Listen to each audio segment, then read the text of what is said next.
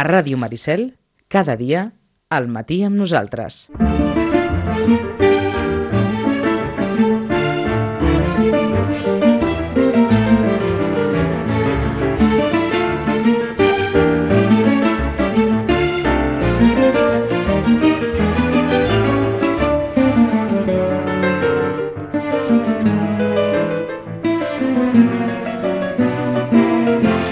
Onze i 17 minuts i segurament...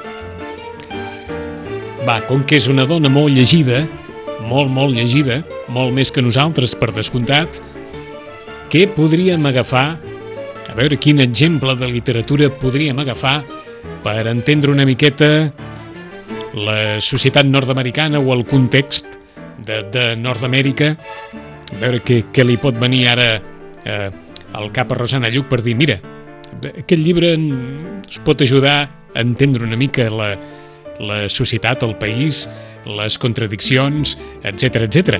Rosana, bon dia i bona hora. Hola, molt bon dia. Pues ara em poses en un compromís, eh? Sí? Perquè sí que realment hem llegit alguna cosa sobre el Trump, el que els hi ve, Mm -hmm. però No sé si ens serviria... A, a mi, no, no és que m'hagi fet pensar, sí, però segurament alguna cosa de, de Gore Vidal podria servir, no? sí, per exemple, sí. Per exemple, sí, no? malgrat Que, sí, sí, sí. Eh, Ens situaríem un, uns anys abans, però sí, és una manera, sí, de- d'entrar a la societat d'ells. Amb aquesta visió, diguem-ne, crítica, punyent, Sí, que a la, a la qual, encara que no ho sembli, també hi ha, també hi ha peu a la, a la societat nord-americana, en, enmig d'aquesta visió que tenim hi ha, hi ha lloc per, per ser també, per anar contracorrent, o per ser contestatari, si convé, eh? I, i l'altre dia van fer per la televisió, no em diguis quin canal, perquè em van avisar ràpidament, perquè em diuen, posa, posa la televisió, i van fer uh, un programa sobre Chomsky, Noam Chomsky. Mm -hmm. Vale? Un senyor que en la meva època l'estudiava a la universitat com a eh, en l'apartat de llengua, vale? com, com un referent. com un referent, i en canvi també, eh, potser jo el, el darrer llibre que, que recordo és Com nos venden la moto, editat per, per Icària. Mm -hmm. Molt crític, molt crític amb la societat. Mm. En la societat eh, nord-americana, en la societat com, que, que, mm, com estan fent anar les masses cap a un lloc i cap a l'altre, que passa que també és de fa uns anys. És, Sí. Clar, tot és de fa uns anys, però, però no tants, eh? Tot plegat, tot plegat quan ho mires dius no tants, Com, eh? com, deia I de aquell, com- com deia aquell, tot torna, eh, Rosana? tot torna, eh? Tot I, torna. I, com, I com la gent sortia, no? I com, com de bé estaven fetes les Mhm. campanyes de publicitat perquè la gent fes el que fes, eh? Vull dir, i llavors, bueno, eh, a mi em va agradar molt, saps? Vull dir, vaig, vaig enganxar només un tros i vaig, em va agradar moltíssim. Mm -hmm. clar, és que és així, no? O sigui, com ens enganyen... I, I hem de suposar què? i hem de suposar també que cada època històrica té la seva Sí. té la seva representació en les arts, en la literatura, en la exacte. música, en tot, no? I per tant, si és que anem en, si és que estem entrant en una època nova, molt probablement també en veurem la seva representació en, en les arts i, en, i vaja, en tot allò que a través dels mitjans en, en som coneixedors en algun moment o altre, eh? Sí, sí. Vaja, que la, que la Nord-Amèrica actual no és la del La La Land, o sigui que d'aquí uns anys a veure què, a veure què en surt d'això, eh? A veure què en surt. A veure què en surt. eh? El que passa és que sí que, com a mínim, veus que hi ha veus en contra i que surten veus i surten veus i surten veus. eh? Mhm. eh? Llavors, bueno, eh? Esperança. Esperança. A casa nostra, a casa nostra i en el món dels llibres, aquestes darreres setmanes hi ha hagut alguna novetat així potent, destacable? Mm, eh, és que s'acosta febrer i sortiran absolutament tots els premis i clar, el, el primer que ha sortit, que no és premi, però que en canvi ja, ja, ja ha fet el bombori ha sigut el Rafael Nadal. Mhm. Clar, per què? Doncs home, perquè ens surt amb una història doncs, que tots hem llegit, que és no? la postguerra, i sobretot perquè el llibre, la portada ja és preciosa. I com que la portada és preciosa, també això ajuda no? a dir, home, amb aquests temps tan, tan durs que estem passant, i a més a més, amb el temps meteorològic que hi ha, que és no? Tan gris, doncs una portada en la que es veuen doncs, els plataners, no? I allò, amb una carretera amb plàtans que és allò, no? Mhm. Que ja, ja en trobem poques de carreteres on hi hagi aquests plàtans tan, tan, tan alts, tan alts, no? I, um, i, un, i una mare i un nen, o sigui, suposem que és una, noia, eh, una dona i un nen, i un cotxe que, que, que, que està allà lluny. Mhm. Vull dir, recorda, doncs, no sé, una època, però sí també, doncs, com un- una bombolla d'aire fresc, no? Allò, ui, que bonica la portada. I la novel·la es titula La senyora Stendhal. La senyora Stendhal. La senyora Stendhal, sí, ens parla doncs això de, de la postguerra, o sigui, és que si recordem una mica la, la trajectòria de Rafael Nadal, la primera novel·la que recordem és la Quan érem feliços, que s'hi situava a la Girona, eh? Mm. dels anys 50-60 cap endavant, eh? que era una mica la història familiar, per dir-ho d'alguna manera, I que va ser un boom editorial. un boom editorial, si recordes, va, va continuar amb la història d'aquell avi, eh? que en, en, quan en dèiem xampany, Sí. vale? el tema dels taps de les botelles, etc etc. i després se'n va anar cap a Itàlia, eh? cap a Itàlia amb la maledicció dels Palmisano, que llavors va tornar enrere una mica amb el temps, no? i torna ara a la Girona, a la Girona seva, a la seva Girona, eh, però en canvi a la Girona de postguerra, diguéssim. Eh? Amb un nen, un nen en Lluc, que, bé, que la, li maten la seva mare, i, i llavors ell doncs, té a la senyora Stendhal que l'acollirà i que el criarà com si fos fill seu. Mm -hmm. Llavors, clar, és això, aquesta època de, de postguerra amb, amb un avi, que és l'avi Didac, amb el, en Dani, que és més jove, no? I bé, en tot, en una mica doncs, és una novel·la d'aquella d'emocions, de promeses, i, evidentment, també hi ha bàndols, els vencedors, els vençuts.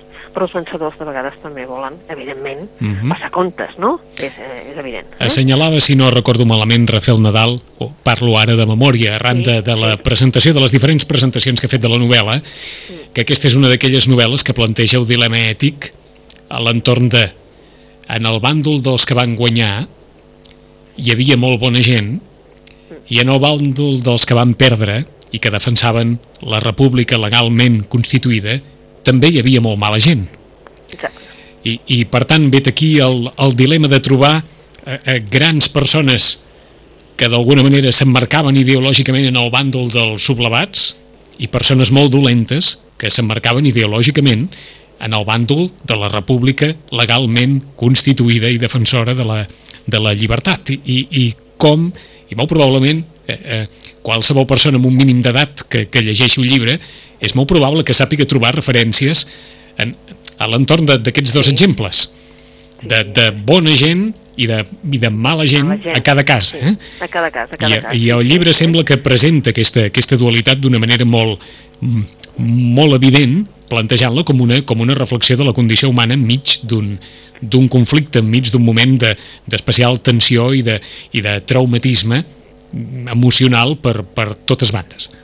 Exacte, és que sempre, no? O sigui, en definitiva, som persones, som gent, i, i allò va ser una, una guerra en, entre germans, no? I entre, una guerra entre, entre la gent que vivia en un mateix lloc i, i, i de bàndols, i llavors això sí que va ser horrorós. I Mhm. sempre hi ha la bona gent la gent, siguin el bàndol que estiguin, no?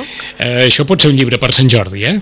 Sí, sí, serà Sí. un llibre de Sant Jordi. Jo crec que serà un llibre de Sant Jordi eh, per tota una sèrie de condicions, perquè el Rafael Nadal és conegut, perquè Mhm. doncs, la temàtica també apela també doncs, a, a un públic adult, diguéssim, no? Però Vaja, sí, sí, sí, eh? Rafael Nadal eh, està aconseguint, gairebé diríem, eh, està més en la imatgeria col·lectiva gairebé que el seu germà Joaquim, tot i ser conseller en el seu dia i alcalde de Girona durant tants anys, Rafael Nadal, aquí, aquí pocs coneixien o coneixien sempre com mira el germà de, Sí, doncs exacte, ara- Sí, sí, ara està sortint a... No? veritablement per, per molts Rafael Nadal ja de, que ja la tenia probablement, eh? però ara des d'un punt de vista així mediàtic la singularitat pròpia de, de Rafael Nadal per davant d'allò de és germà de que, Sí, que sí. havia acompanyat molts dels seus primers llibres o, o, o de les seves primeres presentacions públiques. Eh? Mm, sí, sí, ara, eh, ara és en Rafael Nadal. Exacte. Ja, ja no surt lo de és germà de... Ah, eh? això mateix. Ja surt, ja surt en Rafael Nadal. Eh? Doncs el darrer llibre de Rafael Nadal, la darrera novel·la, com ens deia la Rosana, situada en la Girona de postguerra, la senyora Estenda, l'acabada d'arribar als taulells de, de les llibreries i, per tant, un d'aquests llibres que serà molt probablement un dels llibres del Sant Jordi del 2017. Per on seguim?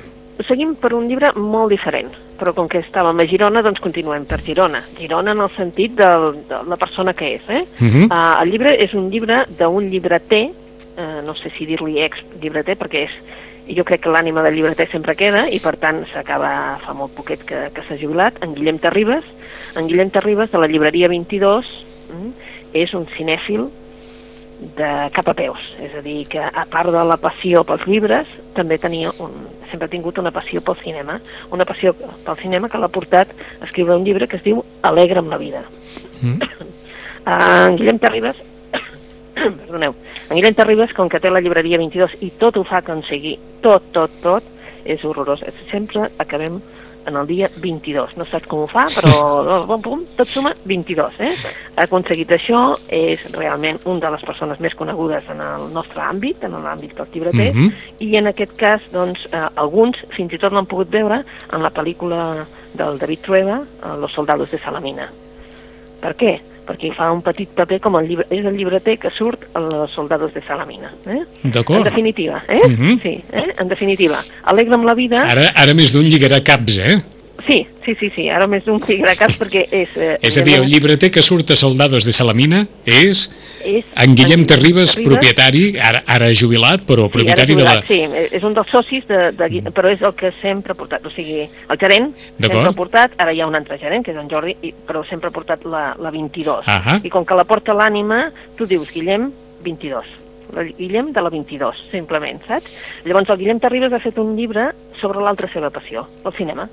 I aquest Alegra'm la vida és un recorregut per les pel·lícules que li han marcat la seva vida, però que en definitiva, evidentment ha muntat mm, amb uns altres crítics, va començar i va muntar el cinema Truffaut, eh? perquè el Truffaut Mhm. també és un referent a la seva vida, el cinema Truffaut de Girona, sempre ha estat lligat al món del cinema a Girona, a tota presentació que hi hagi i eh, tots els actors que puguin caure a Girona van a parar amb ell, vull dir, és una cosa que té, hi ha, hi ha lligues, Sí. saps? I llavors, eh, bé, doncs aquest Alegre amb la vida, en definitiva, és un repàs mm, de les pel·lícules que l'han marcat i el que ens fa és un de les im imprescindibles, saps? Quantes n'hi ha? 22. Quantes n'hi han d'haver? 22. Però sí que hi ha un apartat que us hem de dir que en Guillem, a part de llibreter i de, des de fa 5 anys, doncs és, és avi avi d'una nena, la Martina, i llavors el que ha fet és, eh, és com, saps, allò de dir, anem a fer un experiment. I llavors és interessant el llibre també perquè ha fet l'experiment amb la seva neta de fer-li veure pel·lícules, pel·lícules clàssiques, no Disney, eh? Ojo, D'acord. Estem parlant de pel·lícules clàssiques, eh?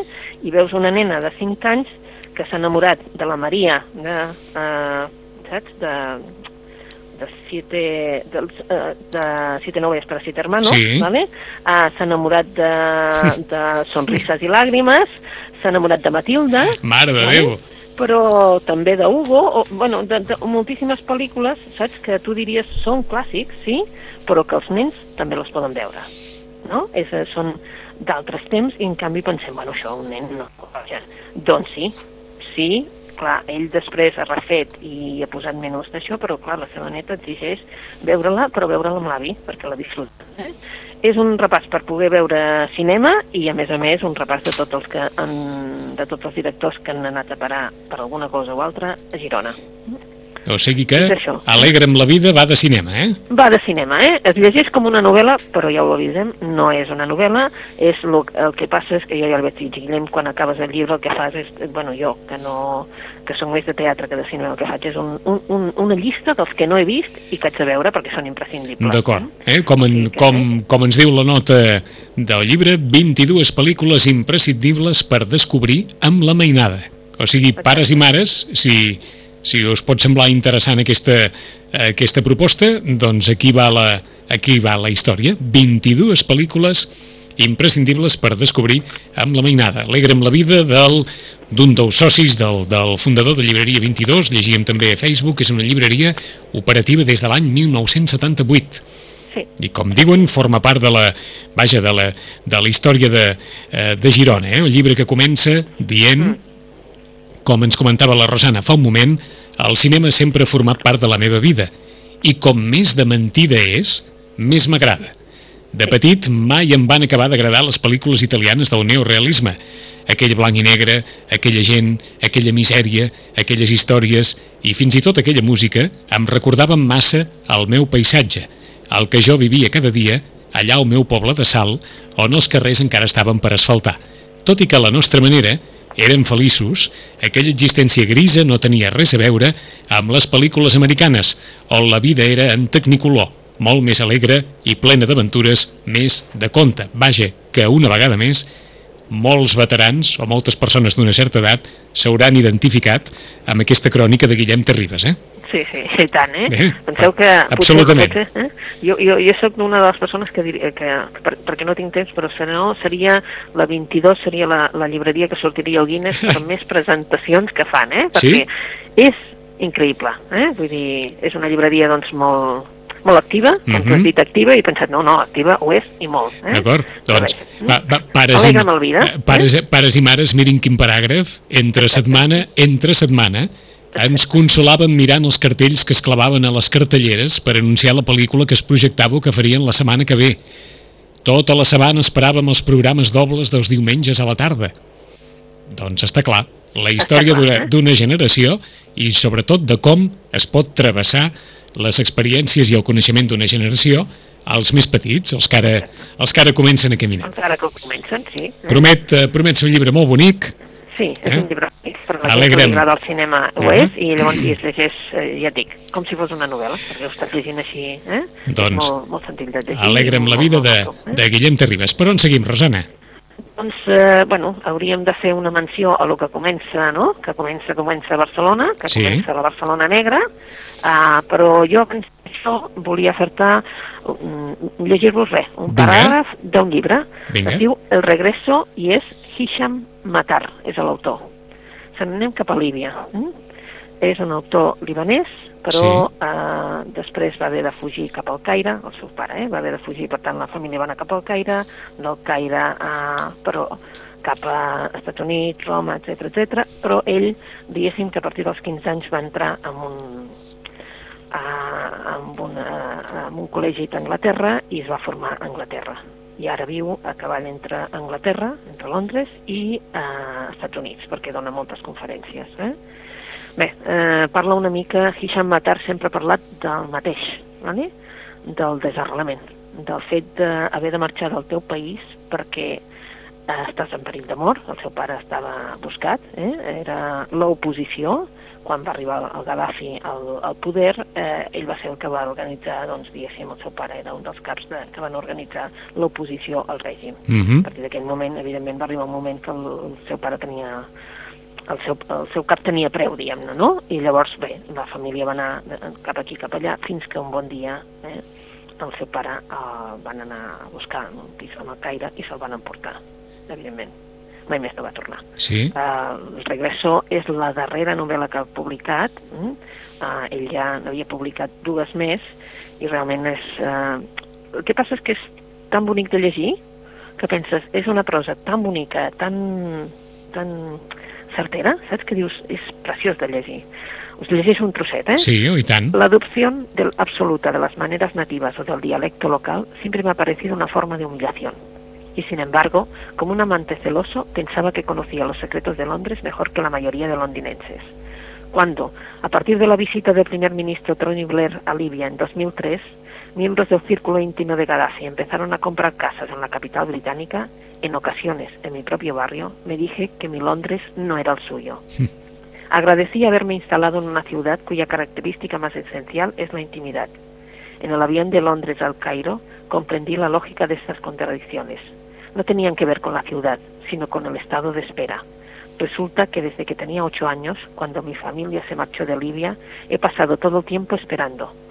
Mi condena silenciosa de aquellos compañeros exiliados que deseaban asimilarse, o lo que es lo mismo, mi empecinado compromiso con el desarraigo, era una indeleble demostración de fidelidad al viejo país, o quizá ni siquiera a Libia, sinó al niño que era quan me fui.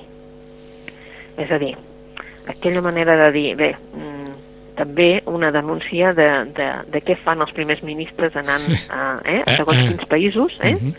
i què porta això al país del que pertanyen aquests governants. I ho diu un senyor que, segons la, la crònica del llibre, va estar 33 anys fora Sí, del seu país i va tornar, va tornar a Líbia al costat de la seva mare i de la seva dona, després d'estar fora durant 33 anys. Clar, va marxar amb 8 anys, eh, de, Ah. de Líbia, per no tornar fins a... I clar, el Caire va ser la segona residència, eh, però és una mica, doncs, això, no? D'on ets? Eh?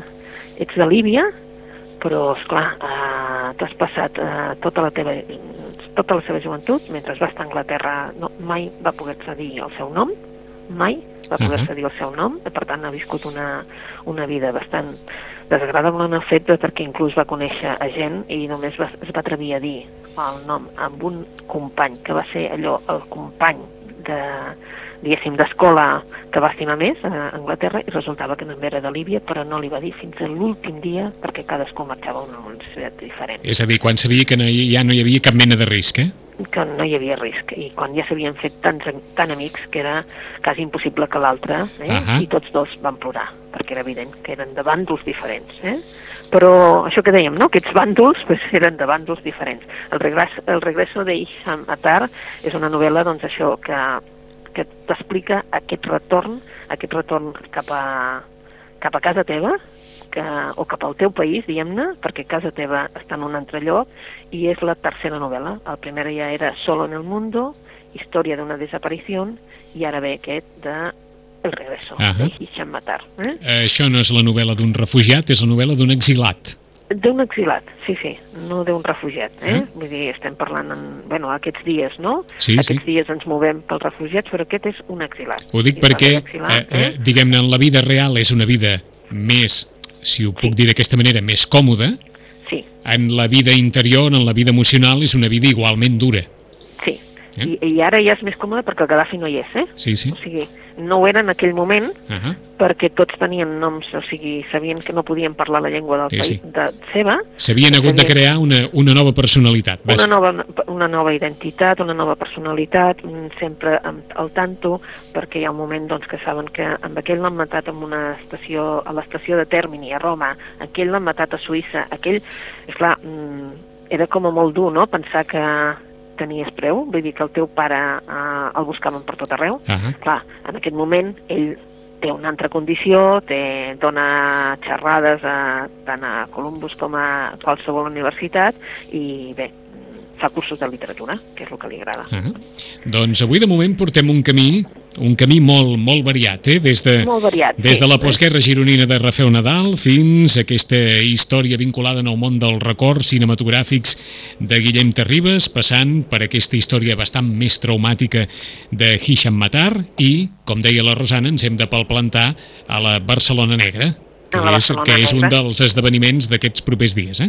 Exacte, comença demà, no? em sembla que és el, sí, del dia 26 de gener fins més o menys el 4 de febrer se celebra doncs, aquesta Barcelona Negra i aquí aterraran doncs, tots els autors, diguéssim, que normalment no poden venir, però que en aquest moment doncs, vindran a, a explicar-nos coses de, de, de, de la novel·la negra, des de, no? des de mm, les dames del crim fins a qualsevol, o com, com es fa una novel·la negra. Eh?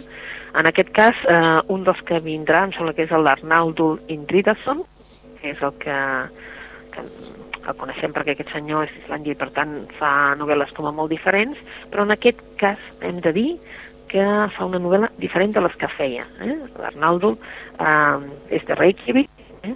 I ha fet um, El el hombre del lago, L'invierno ártico, La mujer de verde, que va ser una de les més conegudes, vale? però ara ens porta una novel·la que es diu Betty, simplement Betty. Eh? I aquesta Betty eh, és un personatge doncs eh, aquesta noia amb unes caderes sensuals, amb un, saps, allò prima, alta, una noia guapa, vale? i tenim un advocat, un advocat mm, que caurà, que caurà en un parany. Eh? És l'art de, la, de la manipulació per la manipulació. I, fins, I en aquest moment el que comença la novel·la és com ell se n'adona com ha caigut i ara, evidentment, ell està pres i, doncs, eh, en definitiva, no sap ben bé com, com ho ha d'explicar això, eh? perquè, evidentment, no el poden creure. El que havia passat no el poden creure. Eh? Està a la presó, però, en canvi, ell continua pensant en ella, de va, mm, uh, i va veient quins són els moviments, ens va explicant quins són, perquè ell ara està mirant com ha anat la història i ens explica els moviments que va fer ella per engatussar-lo d'aquesta manera, per, per dir-ho d'alguna manera. Uh -huh. eh? I llavors és això, és la història de d'aquest engany. Eh? És una novel·la curteta, ja us avisem, mm, és una novel·la diferent de les que havia escrit l'Arnaldo i només té 230 pàgines i es llegeix, res, en una tarda. Doncs Betty d'Arnaldur Indridasson. Indridasson, eh? Indridasson, eh? una de les, de les eh, novetats en, en l'àmbit de la novel·la negra a punt de començar aquesta setmana de la Barcelona Negra a Barcelona. Per on seguim? Doncs potser amb el Premi Pe- Pepe Carballo de- d'aquest any, que serà el Denis Lehan. Ah. Eh? El, el Denis Lehan, eh? eh? Bé, doncs el Denis Lehan el que eh, segurament, segurament, tothom si diem Mystic River, recorden perquè s'ha fet pel·lícula també, etc. Doncs és l'autor de Mystic River, eh, entre d'altres. Eh? Sí. I també de sèrie- sèries com The Wire o Brokeback Empire. Eh? Sèries, Um, de, sèries de culte, vaja. Sèries de culte, eh? per tant és un senyor que quan llegim una novel·la negra ja sabem que tindrà no? doncs, eh, un potencial extraordinari. Eh? I ara tenim aquesta eh, novel·la publicada per Salamandra i és curiós perquè, és clar, eh, Salamandra no l'ha publicada en la seva col·lecció Black, que seria la, la novel·la negra de Salamandra, eh? sinó amb la col·lecció de narrativa. Per què? Perquè troba que és una novel·la com a bastant més literària. Eh? No la vol col·locar amb, amb la col·lecció Black. Es diu Ese mundo desaparecido i ha sortit avui mateix. Eh?